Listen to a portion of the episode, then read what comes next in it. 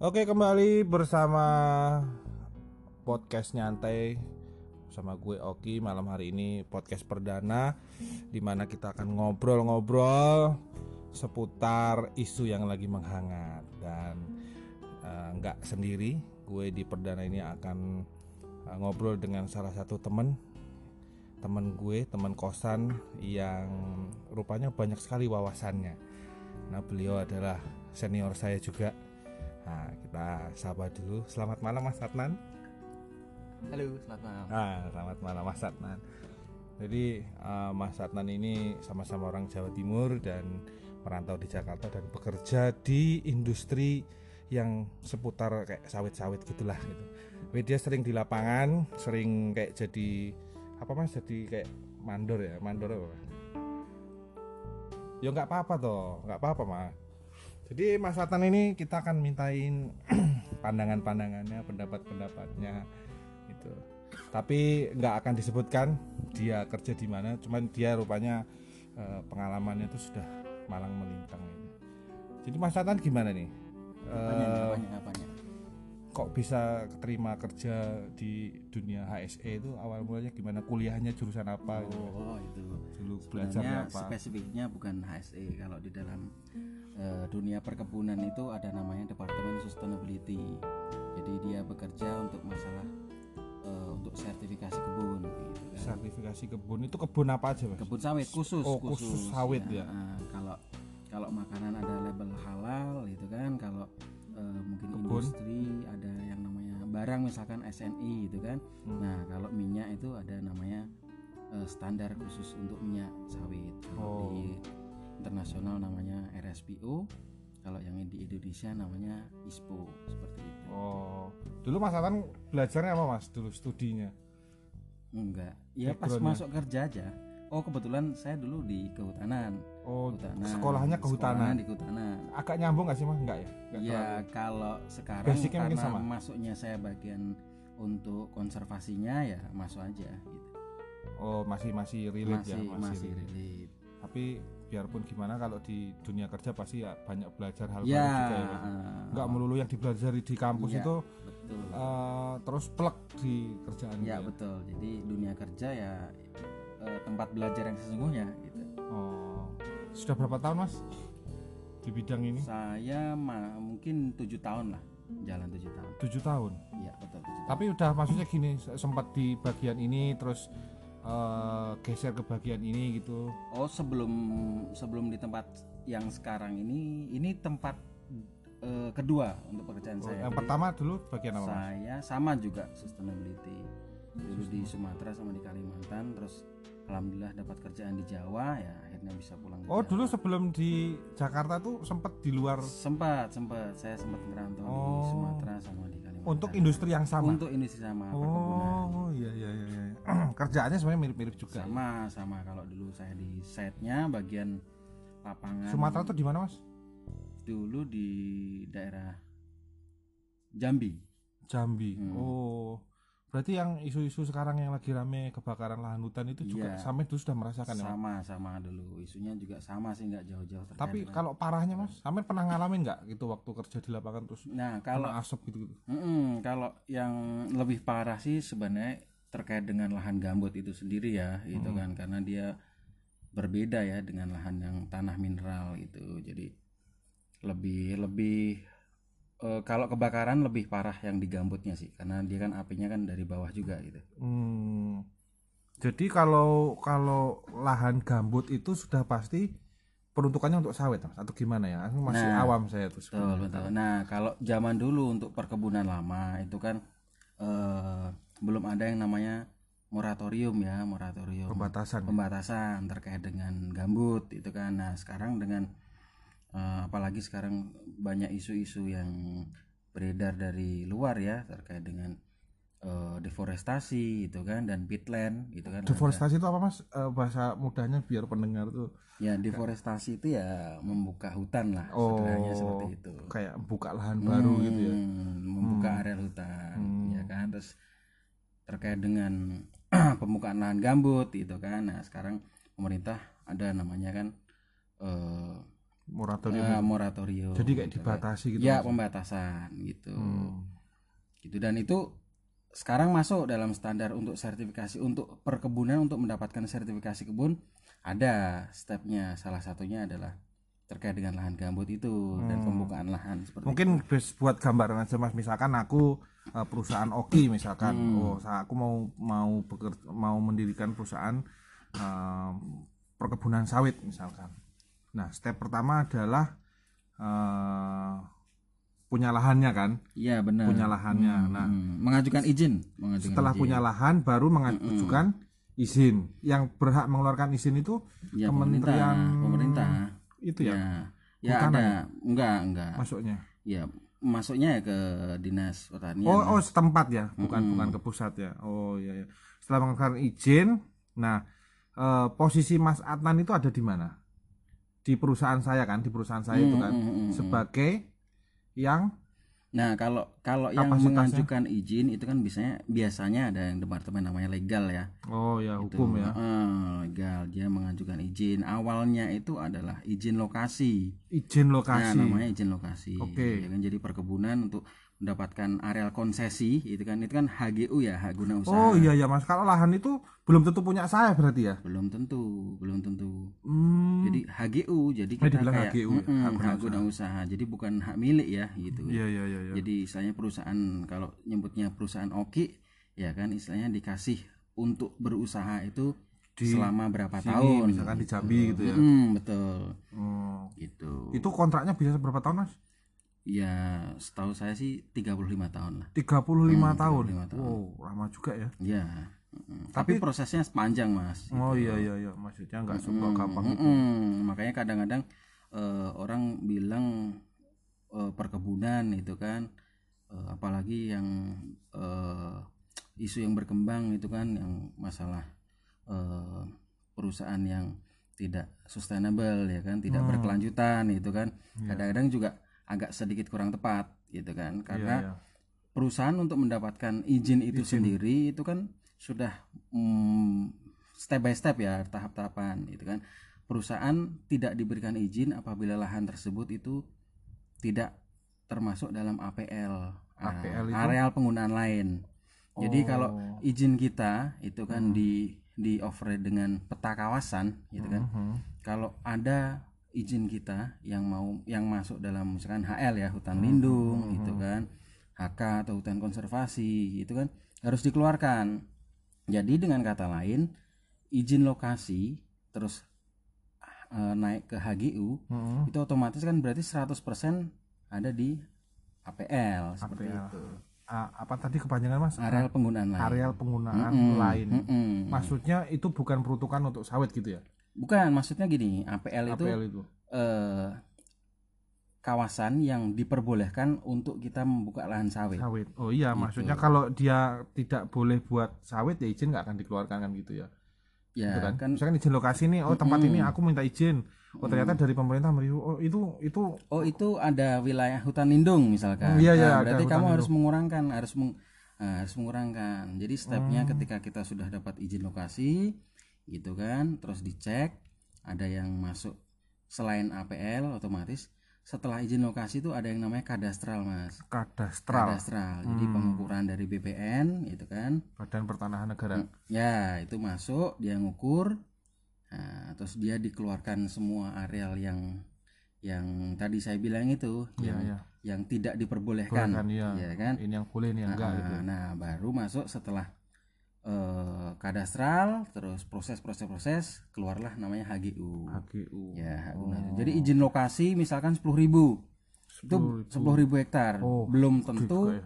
10.000 itu bisa jadi HGU. HGU. Hmm, Karena kan ada proses dulu tuh. Jadi pengajuan sepuluh ribu belum tentu dapatnya sepuluh ribu. betul. ya, ya. Nah, karena kadang-kadang ada kasus mas, kita ngajukan izin lokasi 10.000 Eh ternyata di tengah-tengah itu ternyata ada perkampungan, Hmm. ya kan?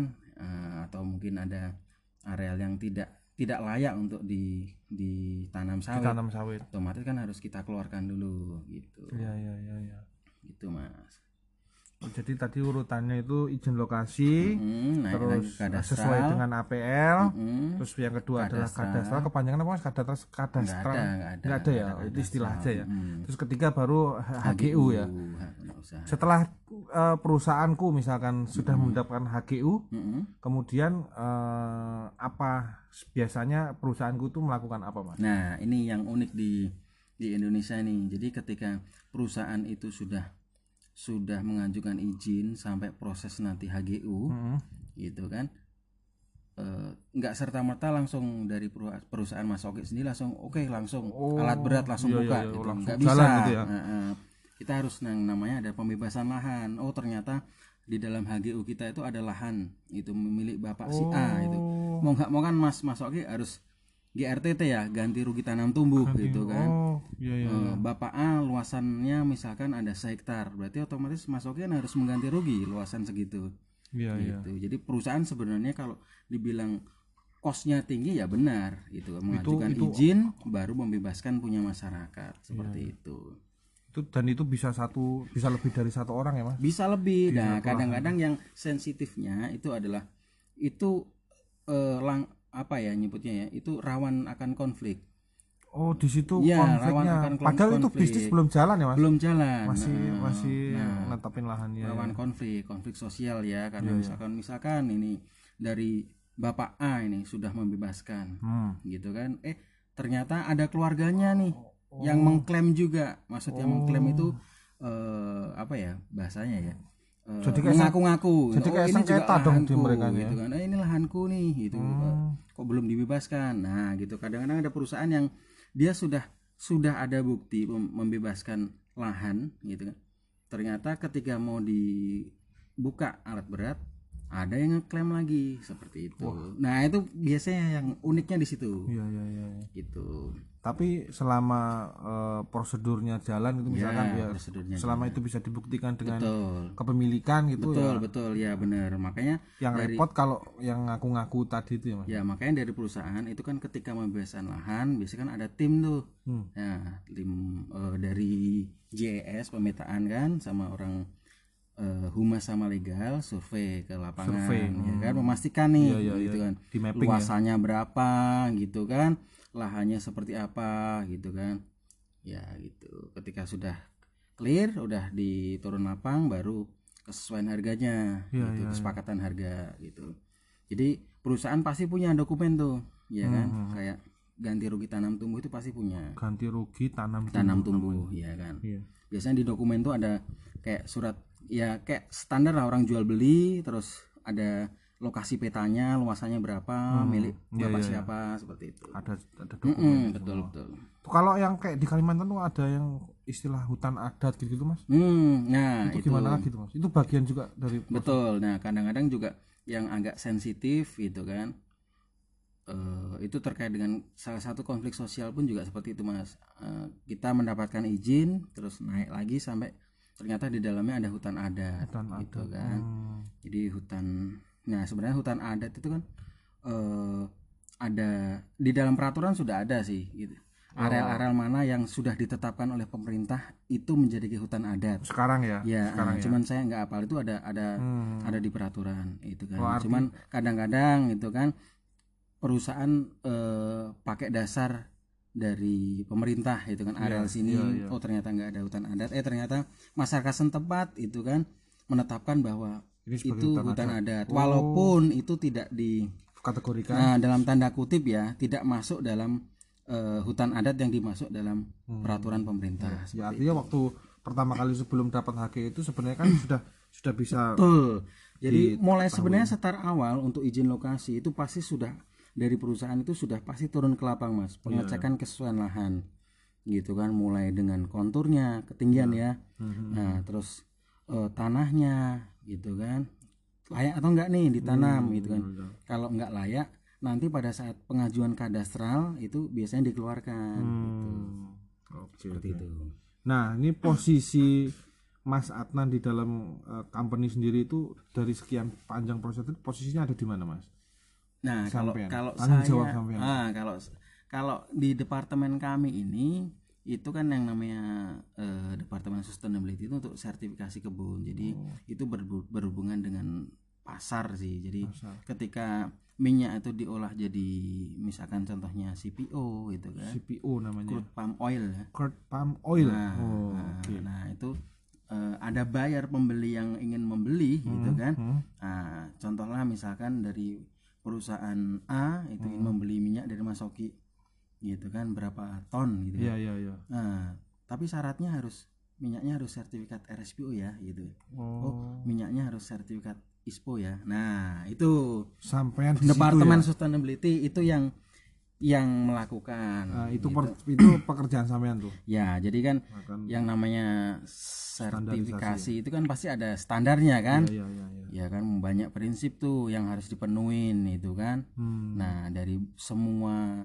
standar yang yang untuk mendapatkan lolos sertifikat itu berarti harus kita penuhin dari internal departemen sendiri Oh. internal perusahaan sendiri gitu sebelum itu dibeli sama sebelum didapat sama si pembeli ya nah ketika ini kan departemen itu layaknya audit ya auditor ya auditor internal ya Hmm. ya kan yang mengecek sama menstandarisasi gitu kan untuk mendapatkan sertifikat. Nah, ketika kita sudah siap, nah biasanya perusahaan itu kayak eh, apa ya bekerja sama dengan pihak kedua itu untuk mengaudit gitu kan, oh Namanya auditor ya iya, kan. iya, iya.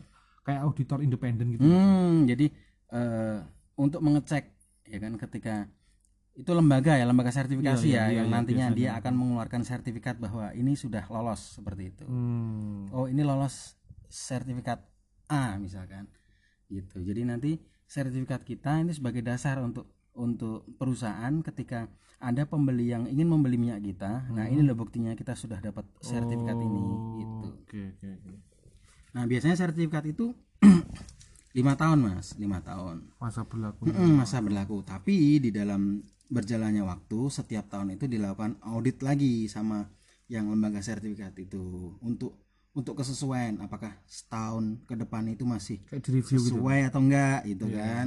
seperti itu. Jadi sampean dari sisi internal perusahaan mempersiapkan. terus eh, untuk eh, penyeimbangnya ada lembaga auditor Ya, dari betul. dari eksternal ya? Ya jadi lembaga sertifikasi lah yang mengeluarkan sertifikat.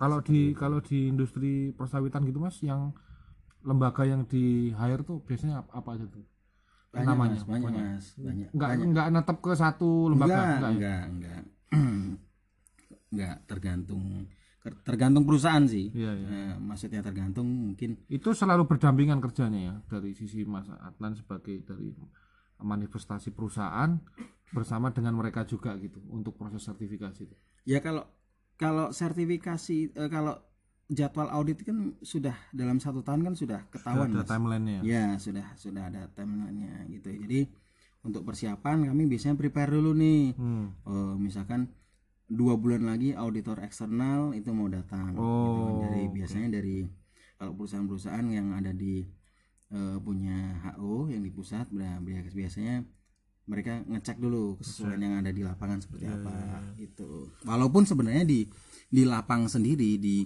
kebun sama di pabrik sendiri sudah ada staf khusus gitu Ada PIC Mm, lah ya. betul betul jadi Berarti mereka itu benar-benar terjun ke lapangan Mas ya. ya ya Langsung cek fisik segala macam. Ya, jadi kan eh, sertifikat itu kan kayak banyak banyak stepnya, kan, banyak standarnya kan. Makanya perlu waktu. Ya, makanya kita harus mengecek itu kan. Kita harus mengecek ini. Oh, ini kurang sesuai, nah, kita perbaikin. Oh, ini ada yang kurang nih, eh, Hmm. kurang dari standar yang diinginkan berdasarkan sertifikat itu seperti apa. Nah, kita harus penuhi seperti itu. Hmm, itu karena men- menyangkut dengan nanti penjualan Mm-mm. hasil minyaknya. itu. Nah, betul, betul.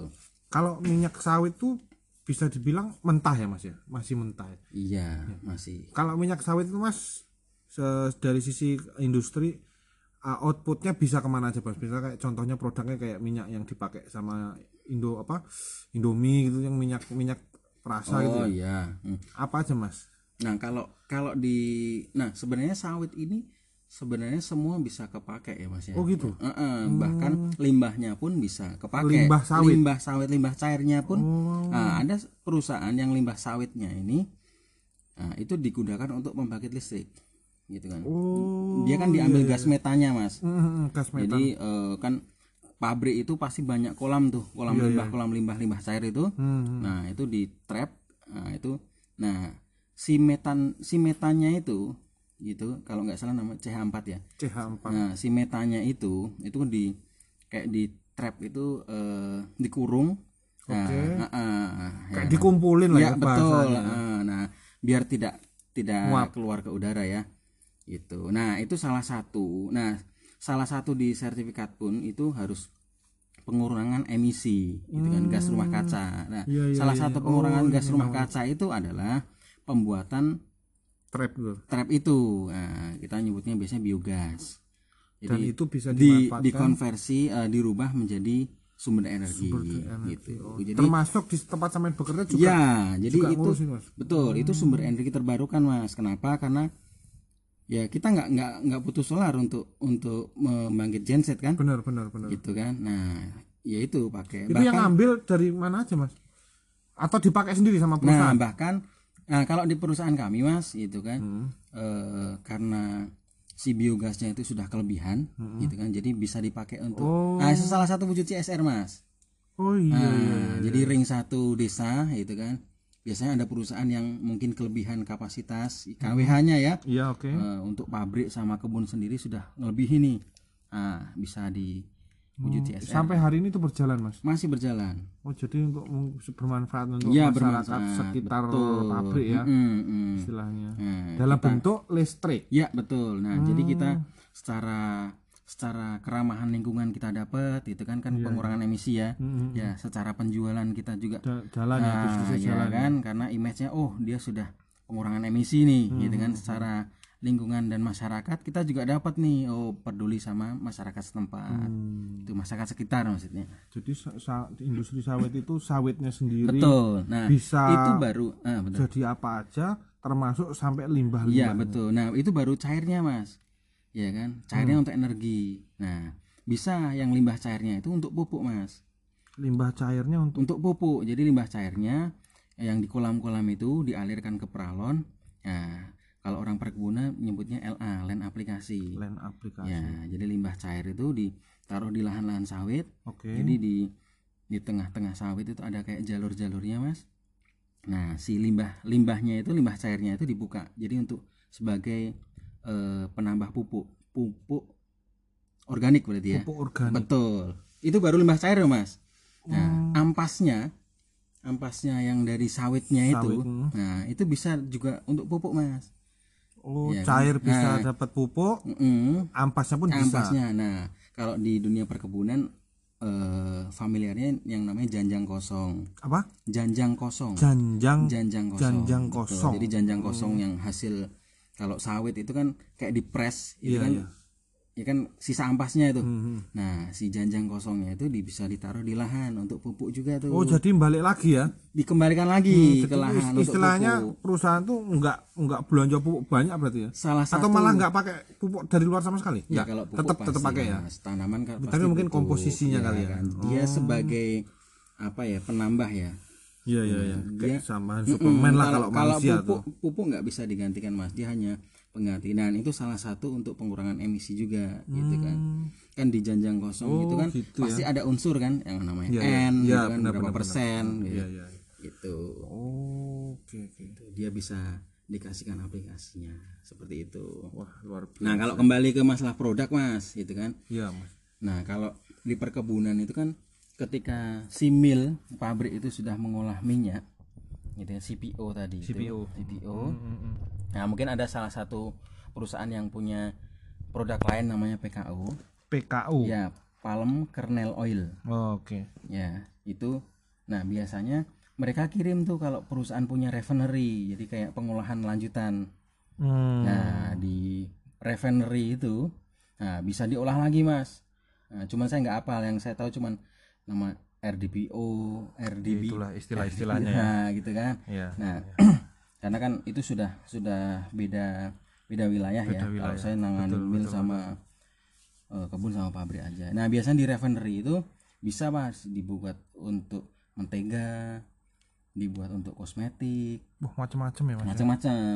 Ya kan kan mungkin kalau masyarakat awam ya minyak sawit itu ya untuk goreng gitu kan. Iya. Nah terus ada lagi minyak sawit itu ya untuk mentega gitu ya blue band itu gitu ya termasuk ya nah itu brand ya margarin margarin itu ya Mas? margarin Iya, iya, termasuk itu Oh, ini ini nggak di endorse kan ini sama oh brand. enggak dong itu kan yang maksudnya biar pendengar tuh relate oh yang ternyata yang kita pakai sehari-hari itu Hmm. ya betul Oh, awal mulanya dari sawit. Yang paling dekat itu kan yang gorengan kan kita makan Iya, betul, gorengan pasti betul. pakai minyak goreng kan. Nah, betul minyak goreng Nah, biasanya untuk kosmetik juga tapi Oh, Iya, iya. kembali lagi ya itu adalah turunan dari Turunan. minyak sawit Hmm. betul Tapi memang yang paling besar itu yang nyerap minyak goreng. Enggak, enggak juga.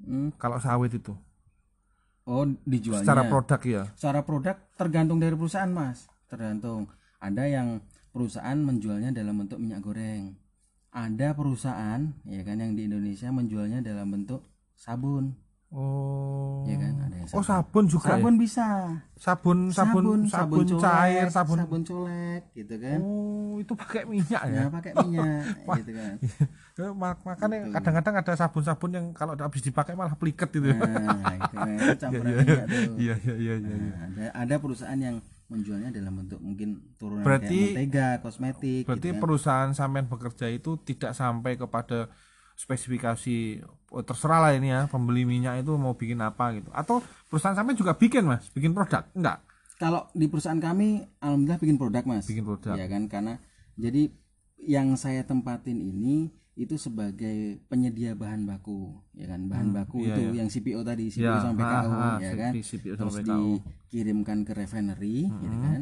Nah, terserah nih nanti refinery dari perusahaan kita mau bikin apa, gitu kan, Hmm. gitu. Oke, oke, oke, udah main panjang nih 26 menit. Nah, gue sekilas seputar sawit dari mulai awal pengajuan lokasi, dapat HGU, sampai pembebasan tanah segala macam sampai Betul. output jadi produk. Nah, ini yang lagi rame nih, Mas. Hmm. Sekarang yang Oh, lagi rame. bentar, ya. bentar. Nah, sebenarnya sawit ini kalau kalau saya pribadi itu benar-benar eh, berbeda sama yang dibilang sama masyarakat umum ya, Iya, karena iya. Ya, ya kita proses gitu kan mulai dari mendapatkan lahan itu membebaskan ya. sampai kita menanam pun Hmm. gitu kan eh, sampai ke limbahnya pun loh mas limbahnya Iya, pun kita balikin lagi ke eh, untuk iya. untuk pemupukan termasuk gitu kan. untuk fungsi CSR tadi yang Betul. supaya Nah, bermanfaat untuk betul. lingkungan sekitar. Nah, karena itu sudah di, Iya, iya, dipersyaratkan gitu. Ya cuman itu kan sekarang kan lagi rame tuh Mas, Hmm. kebakaran eh, hutan, lahan termasuk sawit segala macam. Betul, betul. Itu kalau seperti itu tuh Mas biasanya eh kan ada salah satu eh, tokoh itu yang bilang wah ini mah dibakar gitu. Hmm. Itu memang lah, lazim gitu Mas ya kalau di kalau di lapangan Mas mungkin bukan di perusahaan Mas itu di perusahaan lain itu ada praktik-praktik itu memang umum ya terjadi Mas pembakaran lahan gitu. Ya kembali lagi sih mas kalau seperti itu kan kita nggak bisa ya? nggak bisa pukul rata oh Oh, iya, iya, seperti iya. itu. Itu kan hanya sebatas oknum ya. Oknum bener. Ya kan oknum. Kan yang di Riau udah ketangkep berapa gitu. Ya betul. Maksudnya saya oknum itu bisa dia atas PT itu kan perusahaan ya Hmm. itu ya atau perseorangan ya kan misalkan kita nih berdua nih gitu kan karena oh budget kita nggak ada nih mas gitu kan ya sudah karena masyarakat awam kan yang namanya bakar itu kan biaya murah gitu Ya, kan? tinggal bakar aja Ya, siram bensin seperti push itu. gitu ya pas cuman kadang-kadang eh, di dalam membakar kan manusia kan nggak bisa kontrol gitu kan? Hmm, hmm, hmm. ya kan kita mengennya cuma sampai situ ternyata apinya bisa nyebar ke mana-mana kan nggak bisa juga gitu. Kalau kalau perorangan tuh maksudnya misalkan saya nih hmm. saya bekerja ke satu perusahaan tertentu atau gimana mas? Bukan mas mas Oki kan punya lahan misalkan. Hmm, ya kan mas Oki punya lahan pengen menanam apa Sesuatu gitu misalkan kan oh berarti nggak melulu nyambung dengan soal sawit ya pak? melulu itu kan. Yang namanya buka lahan kan. Itu kalau perorangan kasusnya. Hmm, tapi kayaknya betul. tahun lalu kan yang katanya oh, pemerintah berhasil menegakkan hukum oh, perusahaan korporasi ya. denda sekian triliun itu. Hmm, itu berarti perusahaan ada juga perusahaan ya, yang terlibat. ya, bisa bisa. Saya nggak nggak bisa menyebutkan bisa jadi Iya, ya tapi iya. kalau memang saya juga nggak berani mas. Hmm, nanti kena UU ini nanti kita makar. kalau kalau kalau dalam berita menyebutkan bahwa perusahaan A B C Iya, iya. ya kan istilahnya eh, tertangkap atau ya eh, didapati ya kan, didapati melakukan pelanggaran Nah, pidana itu itu ya berarti kan memang ada seperti Iya, iya. itu Ya bukti ya gimana gimana berarti memang ada Mas buktinya tahun ini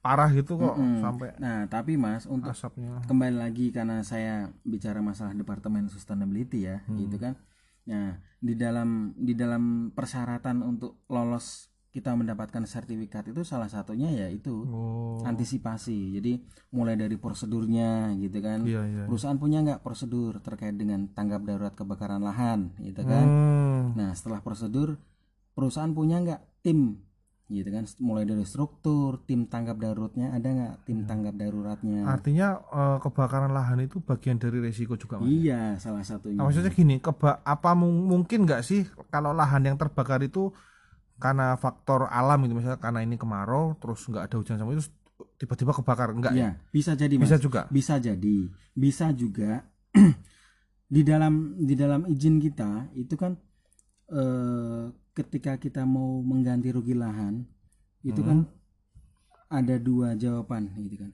si pemilik itu mau menyerahkan sesuai dengan kompensasi yang diberikan menyetujui maksudnya ya Iya, iya. ada satu lagi si pemilik nggak mau Hmm. ya kan ah nggak mau ah entah mungkin harganya terlalu murah atau mungkin ah aku masih butuh lahan ini nih Iya, iya. berarti kan dalam tanda arti di dalam areal yang kita tanam sawit itu kan masih ada lahan masyarakat Iya, iya. ya walaupun sebenarnya nggak nggak boleh ya karena kita harus clear and clean ya Iya. ya kan benar, nah benar. ternyata si masyarakat itu eh, dalam satu waktu ya yang namanya punya sendiri ya mau Hmm. buka lahan ya serah dia kan Iya, iya. nah mungkin dia membakar bisa jadi Oh, gitu terus Bisa- merembet ke tempat kita Betul, gitu ya. ya kan kan nggak mungkin kalau kalau perusahaan eh, membakar ternyata juga lahan sawitnya atau pohon sawitnya mereka sendiri juga terbakar Iya, gitu iya. kan logikanya rugi ya itu, jadinya. betul nah ada juga mas itu eh, yang masyarakat yang ada di sekitar Hmm. ya misalkan pinggir-pinggir itu mungkin dia mau, membuka lahan atau gimana nah, gitu dengan cara seperti itu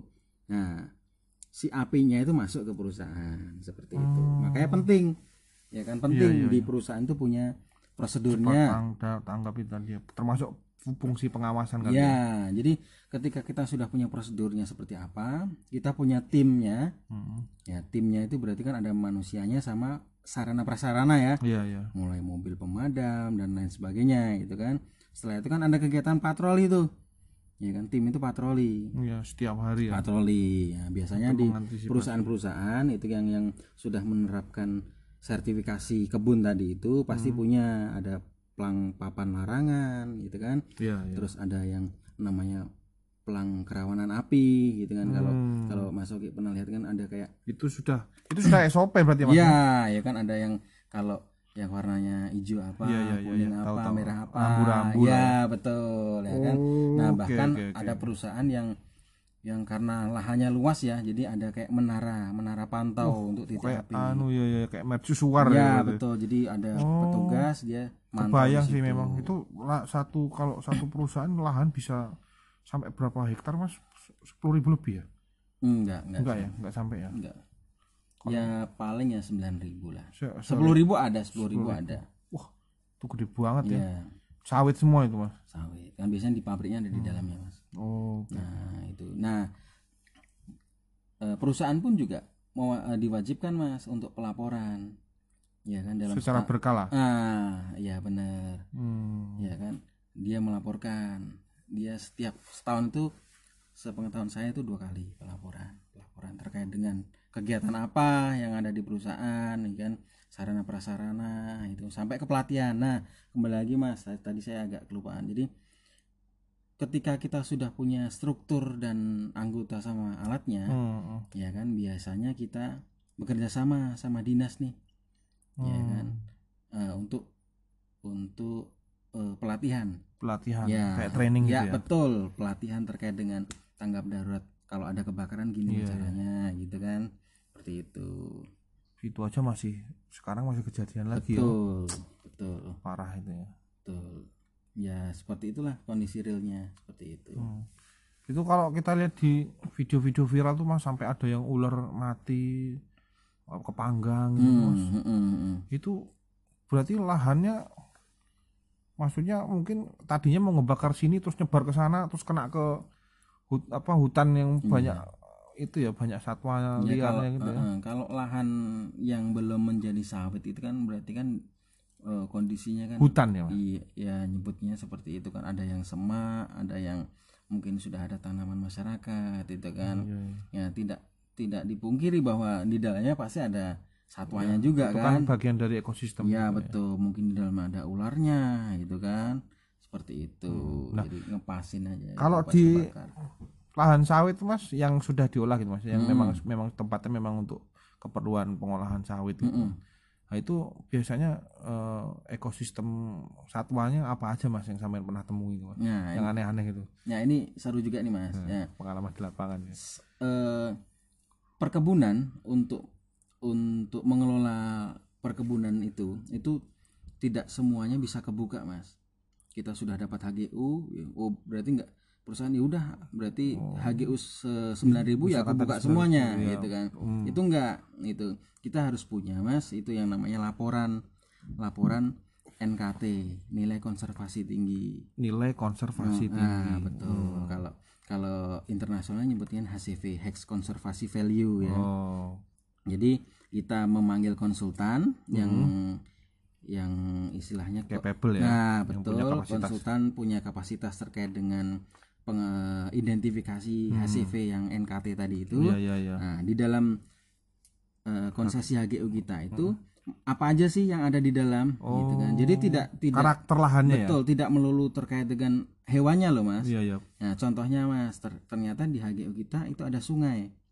oh Ya, berarti kan sepadan sungai, kanan kiri sungai itu kan nggak boleh ya dibuka. das ya namanya daerah aliran sungai itu ya Kalau das lebih besar Mas lingkupnya, ya kan. Kalau sungai ya sepadan sungai, kanan kiri sungai, ya kan. Hmm. Itu juga diatur dalam dalam peraturan, Mas. Itu kan sungai kecil 50, itu kan sungai besar itu 100 gitu 100 kan. meter 100 meter dari kiri kanan sungai kiri itu ya? kanan. Nah, itu Berarti 200 ki- meter. kita nggak boleh membuka. ya. apa pun itu Ya. iya iya iya Kalaupun itu biasanya kan perkebunan lama, untuk perkebunan lama itu kan kalau memang sudah terlanjur terbuka, ya biasanya itu eh, perusahaan ada kayak sejenis eh, langkah untuk penghutanan kembali, Mas. Mungkin Hmm. mulai ada penanaman gitu kan di di sepadan sungai, gitu kan penanam pohon ya. Hmm. Terus eh, penanaman rumput untuk penahan erosi Ya, seperti ya. itu. Jadi untuk pengembalian areal yang sudah terlanjur terbuka.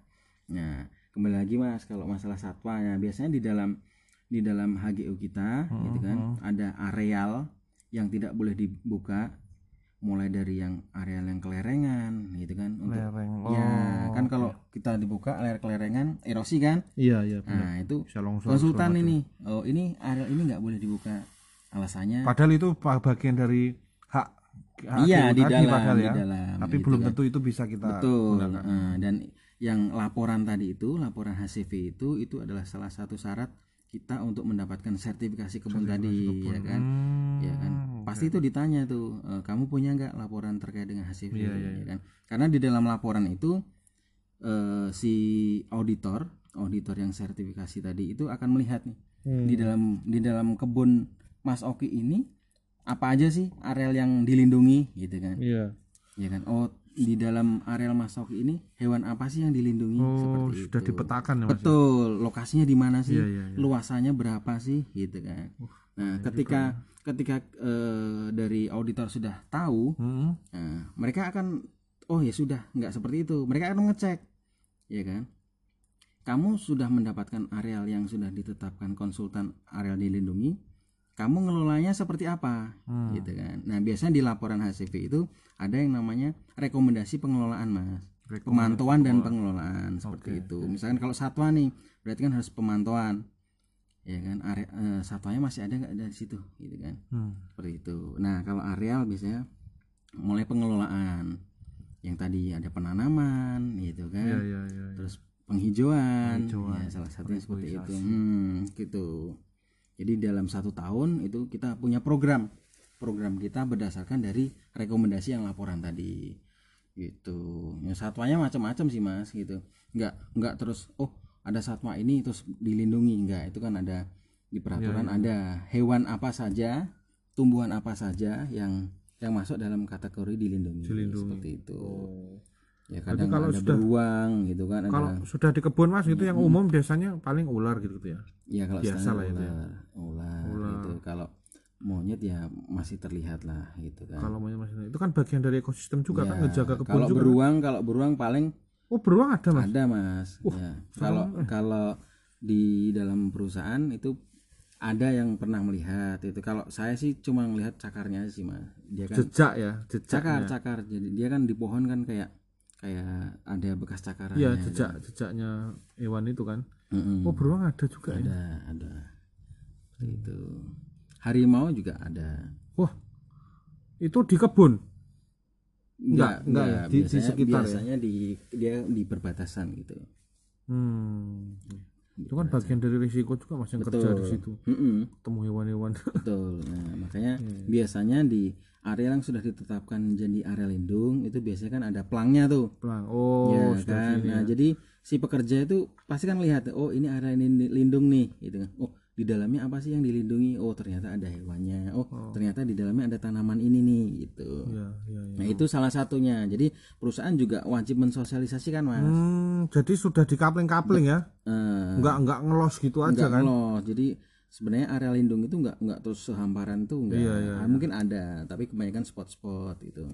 Hmm. jadi si perusahaan juga memiliki tanggung jawab untuk mensosialisasikan ke pekerja dan masyarakat, dan masyarakat, ya kan? salah satu salah satu wujudnya rekomendasi dari konsultan itu ya mensosialisasikan biar pekerja tahu gitu kan. Gitu. Contohnya nih gitu kan. Eh, pekerja nggak boleh menyemprot di pinggir sungai gitu kan. Kan dia harus kasih tahu kan Iya, iya. alasannya apa sih gitu kan. Walaupun standarnya oh mencemari lingkungan gitu kan. Seperti itu. Warningnya itu ya. Ya. betul. Terus misalkan masyarakat walaupun budaya saat salah satu tempat atau mungkin kebiasaan masyarakat mungkin eh, apa mungkin meracun atau berburu, gitu berburu, kan? iya, iya, biasanya Itu, berburu. nah, kita kan nggak nggak boleh terus eh, bilang eh jangan ya. Eh, itu kan kita harus pendekatan itu sosialisasi gitu. Kenapa sih nggak boleh? Persuasif, ya. Kan? Kenapa sih nggak boleh gitu? Alasannya adalah ini ini ini, ini gitu. Jadi tergantung perusahaan menjalankan fungsi betul. sosialisasinya itu ya. ya di perkebunan tuh sebenarnya sangat kompleks mas gitu kan. Wah, kebayang. gitu dalam satu sisi kita meningkatkan produktivitas gitu kan Hmm. ya kan perusahaan pasti kan yang dikejar profit kan Pasti ya. ya kan tapi kita juga dituntut ya kan untuk people-nya gitu kan Iya, iya. selain pe- people-nya SDM-nya lah. ya SDM dan masyarakat tuh. Hmm. Oh iya ya. ya kan habis people-nya kita juga dituntut untuk planetnya mas Planet itu maksudnya buminya sendiri. buminya mungkin eh, dalam pengelolaan kita harus ramah lingkungan Termasuk yang tadi masalah ya limbah-limbah tadi itu. itu, ya. bagaimana cara pengelolaan limbahnya ya makanya biasanya kalau orang perkebunan nyebutnya kan 3P kan Dalam satu kebun itu eh, yang bekerja sampai bisa berapa orang, Mas? wah banyak mas bisa Ribuan. iya bisa Eh, termasuk menyerap tenaga kerja lokal ya. Hmm, nah betul betul sekali itu jadi orang biasanya eh, perusahaan itu kalau di kami ya eh, memprioritaskan pekerja dari masyarakat sekitar Iya, dulu iya, gitu walaupun walaupun eh, kita juga Perlu mendatangkan iya, ya iya. mendatangkan dari pekerja dari kan juga perlu luar. re- require SDM-nya Betul, juga kan betul. enggak, enggak asal mempekerjakan. betul Makanya ada pelatihan-pelatihan tadi ya, betul training itu ya. betul Eh, dan dan itu pun juga kembali lagi mas salah satu dari syarat untuk mendapatkan sertifikasi itu pemberdayaan masyarakat sekitar Oh. gitu. Iya, iya, harus melibatkan mereka. betul betul. Melibatkan masyarakat. Ya jadi perusahaan itu di dalam perekrutan atau perusahaan itu harus punya kebijakan terkait dengan eh, apa ya perekrutan. Iya, iya, iya. ya kan? Jadi tidak ada masalah suku ras agama Nah, itu Iya, perusahaan juga har- harus punya kebijakan seperti itu Ada standarnya lah. ada betul Oke, oke. Cukup panjang, Mas. 43 menit ini, hampir hampir satu jam ya. Jadi eh, kemarin rame-rame di sosmed mas, Twitter, di Facebook, di Hmm. Instagram masalah. Jadi ada beberapa netizen yang wah eh, dengan kita mengurangi menggunakan produk-produk yang ber, ber- apa berasal dari sawit kita eh, ikut berperan untuk mengurangi kebakaran lahan. Kayaknya salah mas ya paradigma itu mas. nah itu sebenarnya kembali lagi ke pemikiran masing-masing orang ya gitu Katanya ada yang mengurangi makan gorengan gitu. nah Pak. jadi kembali lagi Apa gitu. hubungannya mas? ketika ketika kamu bisa menilai sesuatu harusnya kita harus punya solusi gitu kan tidak terus hanya punya oh, solusi dan harus paham permasalahannya ya, kayaknya ya ya ketika Ya kan? kamu ketika kamu bilang oh, oh minyak sawit eh, seperti ini gitu kan iya tapi kamu sendiri atau mungkin ibumu sendiri ketika menyediakan makanan untuk kamu pakai minyak juga dan Iya. kamu makan juga gitu kan Nah, itu sama ya kan? sama aja kan eh, kamu sudah menjelekkan tapi kamu juga menerima Menggunakan, juga iya, gitu iya. kan Nah, itu sama aja alangkah kayak. Nah, jadi sama aja kayak Hmm. eh, wah Jakarta polusi polusi Hmm. tapi kue numpak mo- mobil pribadi gitu ya Nah, nggak mau naik busway gitu Jadi ya alangkah bijaknya ketika kita menilai itu jangan terus asal memfonis gitu kan. Iya, Kap- judge tapi ya, kamu juga ya. harus punya solusi loh gitu Iya, kan. iya, iya, iya. Gitu. Jadi kamu ketika ini bilang nggak baik, ya kasihlah solusi seperti Hmm. apa gitu kan. Apakah ada gitu kan misalkan pengganti hmm, mi- Alternatif minyak, ya. gitu kan. Alternatif Hmm, ya. Minyak sawit itu apakah ada gitu. Ketika nanti minyak sawit itu ditiadakan gitu kan.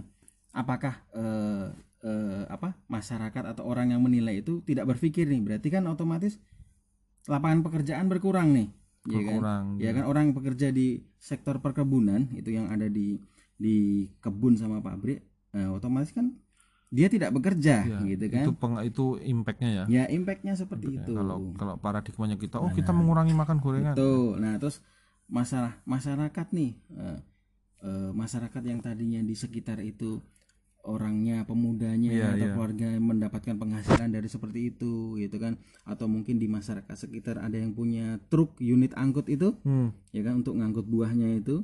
Nah, kalau sekarang sektor perkebunan sudah nggak ada, ya kan, dia mau makan dari mana, gitu Iya. kan? Seperti itu. artinya mas eh, waktu-waktu ke depan tuh kebutuhan minyak CPO terus apa lagi satu tadi satu satunya PKO, PKO. PKI itu kemungkinan masih akan tetap dibutuhkan mas Iya, ya? Saya memprediksi bahwa minyak si eh, minyak di eh, barang itu yang dihasilkan dari CPO dan PKO itu selamanya akan trennya akan meningkat mas Iya. karena itu kan salah Dan satu sumber terbarukan ya, Mas? terbarukan nah yang saya Iya. bilang beda sama minyak ya, bumi minyak ya, bumi gitu Iya, iya, kan iya.